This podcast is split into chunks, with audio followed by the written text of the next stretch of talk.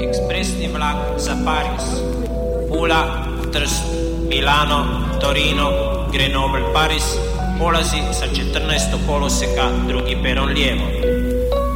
Ponavljam, ekspresni vlak za Pariz.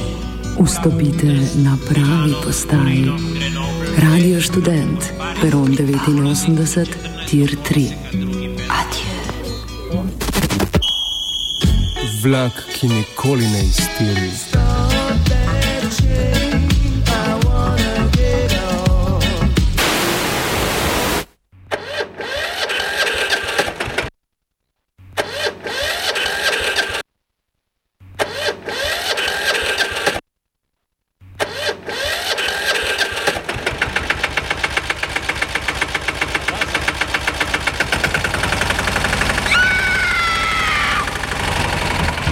E, kaj pa je to? Ja, kultivator. Gre za neko vrsto apatije. To lahko reče samo kreten, noben drug. Socialni invalid in ga je ne mogoče urejati. Drugi kandidat. Pa, pa pije, kadi, masturbira, vse kako ti lahko reče. Nihče tega ne ve. Vsak petek skultiviramo dogodek tedna. Lahko po kriterijih radio študent, težko pa po evropskih kriterijih. Ampak na drug način, kot vi tu mislite. Kultivator vedno užge. Da pač nekdo sploh omenja probleme, ki so, in da pravzaprav sploh nekdo sproži dogajanje uh, v družbi. To drži, drži.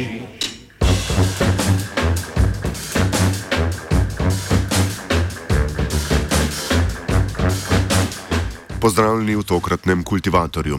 Dosedanji premijer in najverjetnejši mandatar Milko Đukanovič, Milo Đukanovič je naznanil odstop z položaja na kljub temu, da je njegova stranka SDP osvojila 36 sedežev v 81 članskem parlamentu. Naznanitev je prišla po izjavi, da črnogorski državni organi preizkujejo načrt domnevnega poskusa državnega udara, ki naj bi se zgodil na dan volitev 16. oktobra. Udar naj bi pripravljala peščica srpskih državljanov, ki pa naj bi zagnetenje konflikta izkoristili pričakovan protest državljanov pred parlamentom po volitvah. To naj bi storili tako, da bi se člani preoblekli v policiste in streljali na protestnike. Prav tako naj bi bil del načrta oduzem svobode Đukanoviču. 20 ljudi, ki naj bi načrtovali udar, je bilo tudi aretiranih, njihov vodja pa naj bi bil Bratislav Dikič, nekdani srpski general in vodja policijske specialne enote žandarmerije.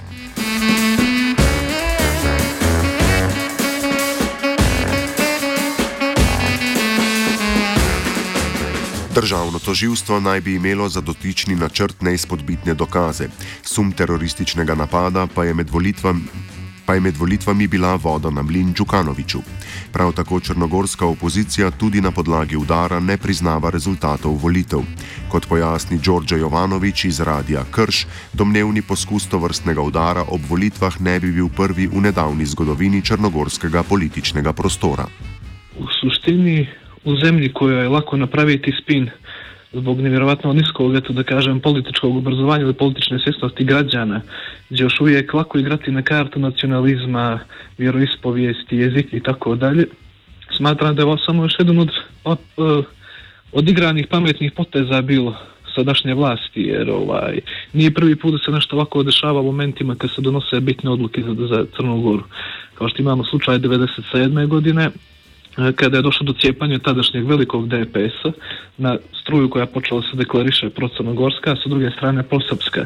Imali smo isto tako potencijalne terorističke napade 2006. godine kada je razotkrivena teroristička grupa bila u Tuzima, to je mala opština kraj Podgorice, nije u sklopu je Podgorice, gdje, gdje su našli mnogo oružja, bili organizovanu kriminalnu grupu koju su činjeli ljudi koji su albanske nacionalnosti i tako dalje ovaj, interesantno je što se sve to događalo na sami dan izbora. Znači imate od jutarnjih časova sve moguće novine, svi mogući portali, svi mogući informativni servisi. Kao prvu vijest saopštavali su upravo mogući državni, nap- državni udar ovaj, gdje je planirano bilo zauzimanje skupštine, navodno pucanje na stanovništvo, kao i interesantan riječ koju su koristili mediji, bilo je hapšenje premijera Đukanovića.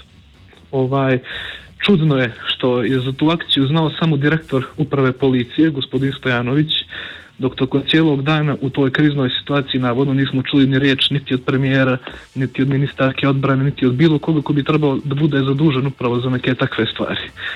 Ni dan danas ni jedna činjenica nije saopštena, ni jedna činjenica nije prikazana. Sve se svodi na to da postoje nepobitni dokazi da je to bilo u planu.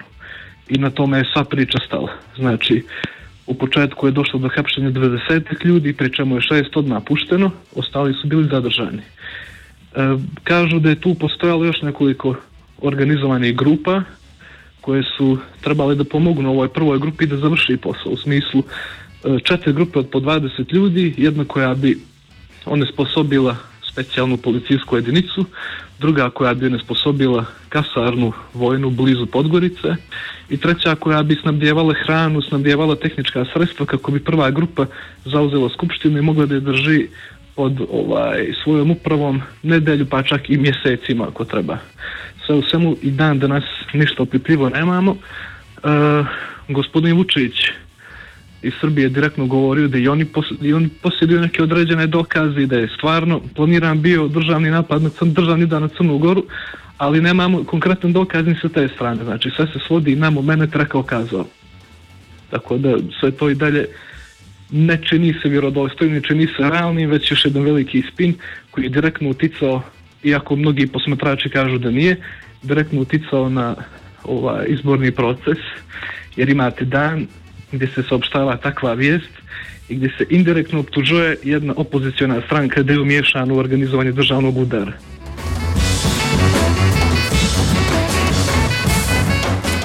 Poskusu udara so črnogorske oblasti dodale kataklizmične primesi.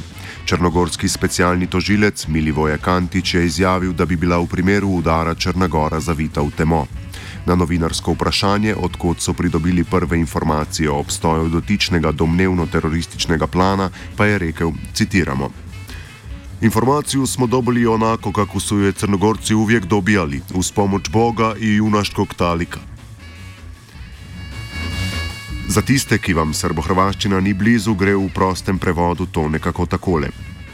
Informacijo smo dobili tako, kot so jo Črnogorci vedno dobivali, s pomočjo Boga in neznanega junaka. Tožilec je bil do sedaj sicer eden izmed ostrejših napadalcev korupcijskih afer v političnih krogih, a črnogorska javnosti tokrat ni prepričal. Pojasni Mihajlo Jovovič, glavni urednik časnika Viesti. We, sh we should never believe the politi politicians, but uh, prosecutor is something else. Uh, we, since a year and a half ago, we have a prosecutor which is very liked in public, although some some people say that he's uh, he's not uh, he's not going after Djukanovic or his people around. Uh, basically, the the, the uh, Mr. Katnic came uh, and started doing started doing his the job of prosecutor, which was never the case before, because uh, after all these stories of corruption and organized crime and uh, other things in in newspaper in, in very small number of newspapers in Montenegro somebody started arresting people, and among them the, the second guy in the ruling DPS, which is uh, which is good. But uh, this time uh, he didn't succeed in convincing uh, at least half of Montenegro for various reasons that uh, what he's saying is really true and that there, there, there was a real threat. Also, that there is a legal question uh, uh, if uh, if there was a, any kind of tra- even the even the even planning something like that or similar is a criminal offense. So uh, it's it's a very uh, slippery terrain for this. Uh, on the basis of what everybody said so far, him, uh, politicians, in, prosecutor politicians in Montenegro, this Mr. Vucic, opposition in Montenegro. Uh, I think that something was planned, but how serious it's, uh, it, it remains to be seen. Uh, the other thing is the other very, very um, contested thing in Montenegro is why the prosecutor had to publicly announce in the press release that these guys wanted to do something, implied that they wanted to do something with political parties.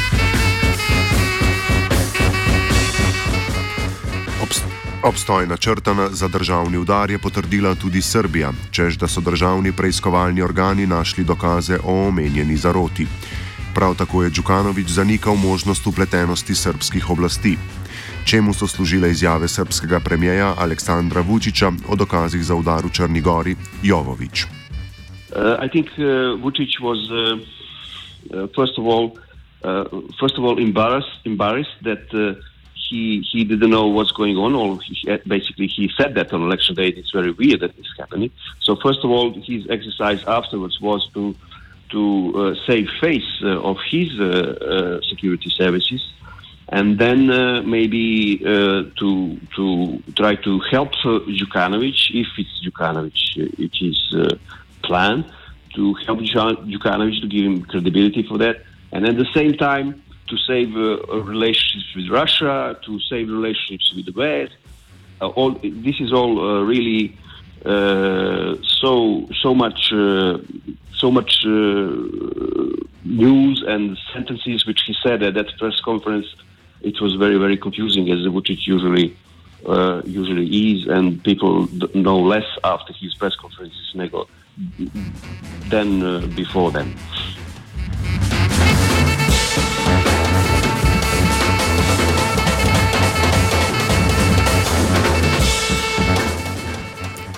Če tudi je to koristilo Djukanoviču, pa kljub temu ostaja vprašanje, ali je sam orkestriral udar ali so ga dejansko skušali od, odstraniti. Dokazi za eno ali drugo verzijo ne obstajajo. Kot opozarja general in vojaški analitik Blagoje Grahovac, pa je Črna Gora z geopolitične perspektive neuralgična točka. Treba to posmatrati v širjem kontekstu.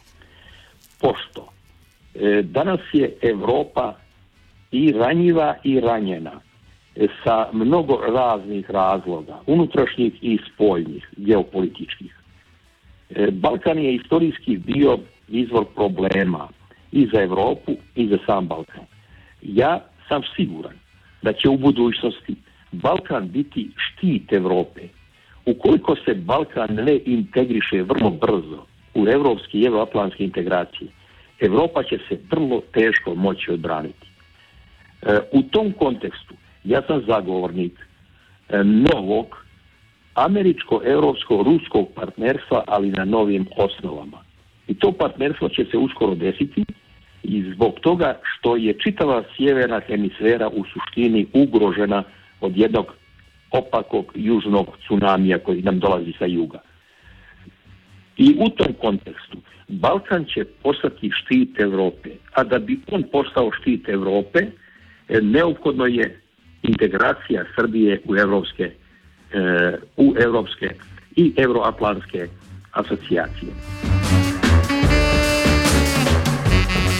Prav tako so po mnenju sogovornika v Črni Gori močno prisotni ruski interesi. Komu bi koristil Đukanovičev odstop, nadaljuje Grahovac. Pas demokratske partije socijalista na čelu sa Milom Đukanovićem u suštini vodi brigu samo o svojim članovima i njihovim porodicama, i određenom broju ljudi koji su e, podržavaju tu vlast. E, iz toga se može zaključiti da ta vlast nije vodila brigu e, o dvije trećine građana Crne Gore koji ne podržavaju tu politiku. Međutim, ta vlast je godinama koristila mehanizam brutalnih e, zloupotreba državnih resursa u izborne svrhe zatim brutalnim krađama na izborima i uvijek je ta vlast proizvodila nekoliko afera kada dođe vrijeme za izbore. A te afere su uvijek imale e, isti model.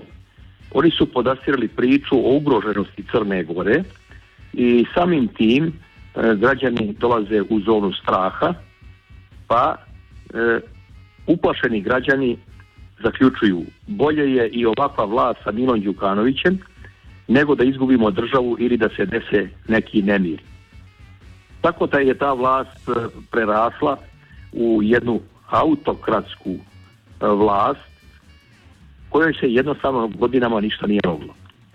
E, Na međunarodnom planu Đukanović je uvijek podigravao istu igru. Imao je glasnu priču o evropskim i evroatlantskim integracijama, a ispod toga e, privredne i prirodne resurse su okupirali ruski tajkuni. E, zvaničnicima briselske i vašingtonske administracije je bila dopadljiva priča o evropskim i evroatlantskim integracijama i tako su uvijek imali i davali naklonost politici Mila Đukanovića, odnosno njemu lično.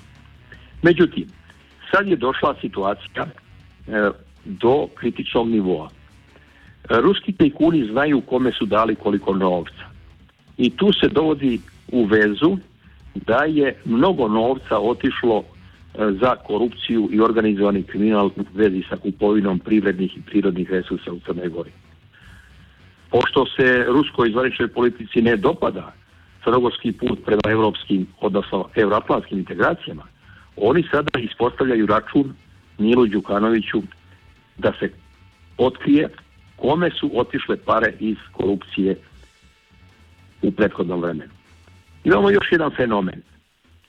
E, u tom fenomenu i treba posmatrati i Srbiju. Ja godinama pišem da je Srbija poligon ruske mitomanije i crnogorske mafije. I to se pokazalo jedno i drugo tačno. E, crnogorskom mafijom u Srbiji u suštini rukovodi, rukovode centri iz Crne Gore. I sad, pošto je očigledno bilo da Milo Đukanović ne može nastaviti dalje da vlada, naravno da mafijaški krugovi zaključuju da trebaju pronaći novog poslodavca. Zato će i oni pustiti niz vodu Mila Đukanovića i Milo Đukanoviću prijeti ozbiljna prijetnja i od sobstvene mafije koja se nalazi u Srbiji. U tom kontekstu treba posmatrati i proizvedenu aferu takozvanog državnog udara na dan izbora u oktobru ove godine. Đukanović prav tako postaja moteč za Washington in Bruselj, Jovovič. Djukanovic is so powerful in Montenegro that uh, power always goes wherever he goes. Uh, it doesn't matter if he's a president or prime minister or uh, just the pres- just under the quotation marks also president of the party. Uh, this is because uh, Djukanovic is head of this parallel system which rules in Montenegro, uh, made of uh, him and some other people in the government, uh, of uh, business, shady business people and uh, mafia people. Uh, they rule Montenegro, uh, plus the media under the under his control. That's the that's the. Uh, this time, I think uh, he he decided to to to have a holiday. I, I can say I can say like that, and uh, under the pressure, uh, mainly from the from the western western circles, especially uh, Americans and uh, uh, EU EU member states politicians. Uh, because they, uh, uh, in my opinion, they don't want to see a person like that in their, in their company. Montenegro is going into NATO in the first half of next year, and then on all these summits and in front of their their their public, these leaders would be seen sitting next to the guy who is accused of all sorts of crimes, from organized crime uh, to to uh, soft dictatorship, uh, lack of uh, uh, lack of democratic uh, capacities regarding media, regarding NGOs, regarding everybody. Če tudi so geopolitični interesi na splošno v Črnigori močno prisotni, pa po mnenju Jovanoviča v dotičnem primeru niso igrali neposredne vloge. Vsega očekivam potez, jer kroz samu kampanju mogu se naslutiti ovaj, samo vođenje kampanje koje je doduše gospodin Đukanović izveo na svojim leđima, ali uz njega uvijek bio jedan čovjek, zamjenik direktora Demokratske partije socijalista, koordinator bezbjedonosnih služba i tako dalje, tako dalje, gospodin Duško Marković, za kojeg se praktično i znalo da će da bude premijer ukoliko DPS bude u mogućnosti da postavi svog čovjeka za premijer. E, situacija ne izneđuje. Ovo je već treći put da gospodin Đukanović odlazi na odmor S tim što svaki put kad god bi se povukao situacija bi bila ista. Znači politika demokratske partije socijalista bile bi ista, način vladanja je bio isti, tako da tehnički možemo pričati o nekom možda vladanju i sjenke, hipotetički. Tako da očekujemo da će se išta apsolutno tu promijeniti i eto možda jedan pametan potez Đukanovića i svoje koristi. Jer e, toliko je kriminalnih afera, toliko je korupcionaških afera, toliko je zemlja dovedena do jednog grubo propasti svim što ljudi još uvijek nisu svjesni to ovdje, da je možda i najbolji što je mogao da odradi da se trenutno povuče. Jer kako i što će biti sa Crnom Gorom to ne znamo. Finansijski, ekonomski i tako dalje. E, kultura je srozana, obrazovanje je potpuno srozano do nekih užasnih nivoa, tako da je bio pravi trenutak za povlačenje kako bi se izbjegla odgovornost.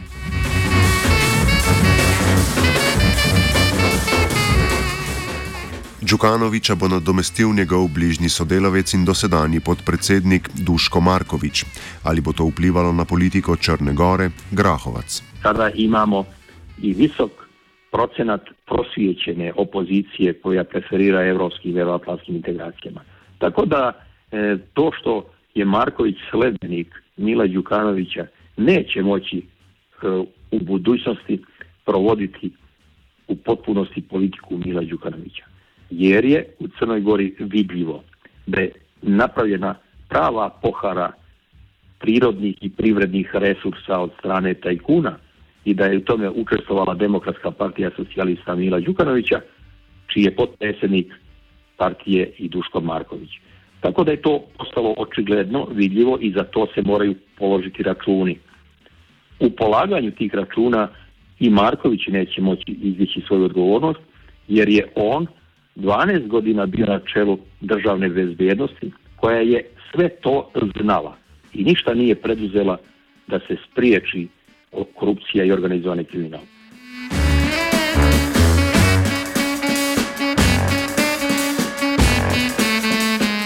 Če tudi je zauzemanje za drugačno politiko od Đukanovičeve malo verjetno, bo Markovič moral upoštevati novo opozicijo, v vrstah katere je sedaj tudi socialna demokratska stranka, krajše SDP. Ta je sedaj del novega političnega subjekta, z opisom katerega današnji kultivator zaključi Grahovac. SDP Ranka Krivokapića shvatio da sada postoje drugi i važni ciljevi, a to je borba za pravno uređenu državu i borba protiv korupcije i organizovanog kriminala. Zbog toga je SDP i napustila e, koaliciju sa e, Đukanovićevom partijom.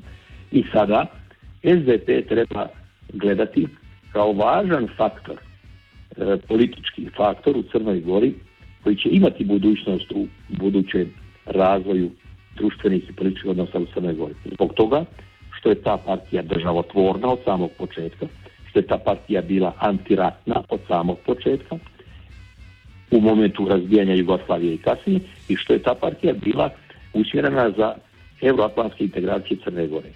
Pošto su ta strateški važna pitanja glavno obilježje socijaldemokratske partije, onda nju treba u budućnosti posmatrati kao važan politički subjekt. Tu imamo još sad novi političke subjekte, a to je Ujedinjena reformska akcija na čijem čelu je Žarko Račević, koji je nekada bio predsjednik socijaldemokratske partije i koji sada e, ima e, visok stepen partnerstva sa socijaldemokratskom partijom Ranka Tu treba gledati, posmatrati i subjekt Demos, na čijem čelu je Miodrag Lekić, koji je E, jedan također prosvjećeni političar europskih vrijednosti i treba posmatrati jednu mladu partiju, zovu se Demokrate Crne Gore, na čijem čelu je Aleksan Bečić, mlad čovjek, koji se također bori za demokratsku i pravno uređenu državu Crnu Goru. Ova četiri politička subjekta sada sigurno imaju preko 30% podrške građana Crne Gore. E, imaju više nego što bi imao Đukanović u fair i regularnim izborima.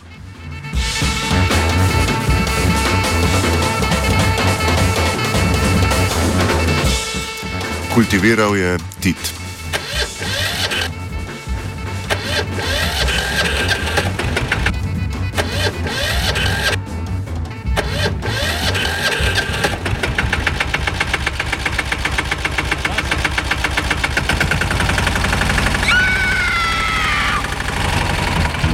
E, kaj pa je to? Ja, kultivator. Gre za neko vrsto apatije. To lahko reče samo kreten noben drug. Socialni invalid in ga je ne mogoče urejati. Drugi kandidat. Pa, pa pije, kadi, masturbira, vse kako človek počne. Nihče tega ne ve. Vsak petek skultiviramo dogodek tedna. Lahko po kriterijih radio študent, težko pa po evropskih kriterijih. Ampak na drug način, kot vi tu mislite. Kultivator vedno užge. Da pač nekdo sploh omenja probleme, ki so, in da pravzaprav sploh nekdo sproži dogajanje uh, v družbi. To drži, drži. Ne, se nisem neploden, sam nisem še seksan, tako da ne vem. Dobro, ajmo, Srbija.